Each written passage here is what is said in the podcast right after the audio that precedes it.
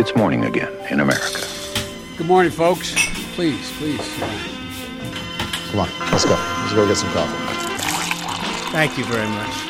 Det er tirsdag 18. februar, det er fire dager igjen til caucusvalget i Nevada, og morgenkaffen er servert. Slik det ser ut nå, og som vi har vært inne på tidligere, så ser Bernie Sanders ut som en vanskelig mann å stoppe. Etter å ha fått flest stemmer i Iowa, og deretter vunnet primærvalget i New Hampshire, så ligger Sanders nå godt an både i Nevada, som stemmer 22. februar, og i South Carolina 29. februar.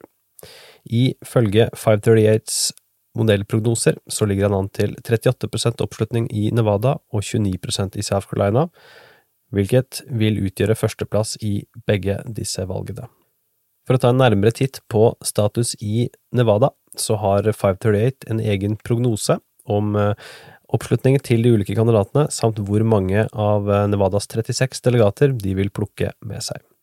Sanders ligger på 35% og 16 delegater, Biden på 20 med 8 delegater, Buttigieg 17 og 6, Warren på 12% og 4 delegater, Stair 8 og 2, Klobuchar på 7% og 1 delegat, mens Gabbard ligger på 0,5% og 0 delegater. Onsdag kveld det vil si natt til torsdag norsk tid, så venter det en ny debatt mellom de demokratiske kandidatene. Per nå så er Sanders, Biden, Warren, Buttigieg og Klobuchar kvalifiserte til å delta i debatten. Siste frist for å få en måling som gir kvalifisering for øvrige kandidater, er i løpet av tirsdag. Til tross for godt oppmøte i forhåndsstemningen i Nevada, som starta på lørdag, så rapporteres det om frykt for tekniske og logistiske utfordringer på selve caucus-valget førstkommende lørdag. I kjølvannet av Iowa-fiaskoen så har det vært meldt om utilstrekkelig opplæring både i bruk av det elektroniske systemet som skal telle stemmene under caucusene, samt forvirring rundt hvordan caucuset faktisk skal gjennomføres. Det meldes også om internettilkoblingene for hvert valglokale ikke er sikret, og at dette skaper usikkerhet. Vi får jo da håpe at det samme som skjedde i Iowa, ikke skjer i Nevada. For Tom Styres del så er han foreløpig ikke kvalifisert til eh, den nevnte TV-debatten, men en fersk meningsmåling eh, gir han i alle fall førsteplassen med hele 18,6 eh, Det er Point Blank eh, Political som har gjennomført denne målingen. Klobuchar følger med, med 15,6, Biden 14,3, Sanders 13, Buttigieg på 12,6, Warren 7,1 og Gabbard 1,7.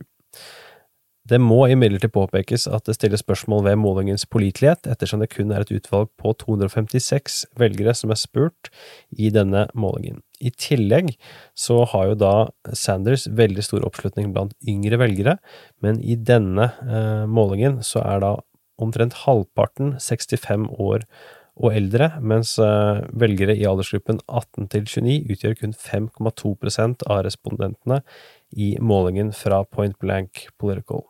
Så med andre ord, en overraskende god måling fra Steyer, men det er mye som tyder på at dette er en uteligger, og at denne målingen eh, rett og slett ikke helt gir et eksakt bilde av Nevada, men noe av det som gjør dette spennende, er at vi har relativt få målinger, eh, men det lille vi har, peker i alle fall i retning av at Bernie Sanders er favoritt også i Nevada.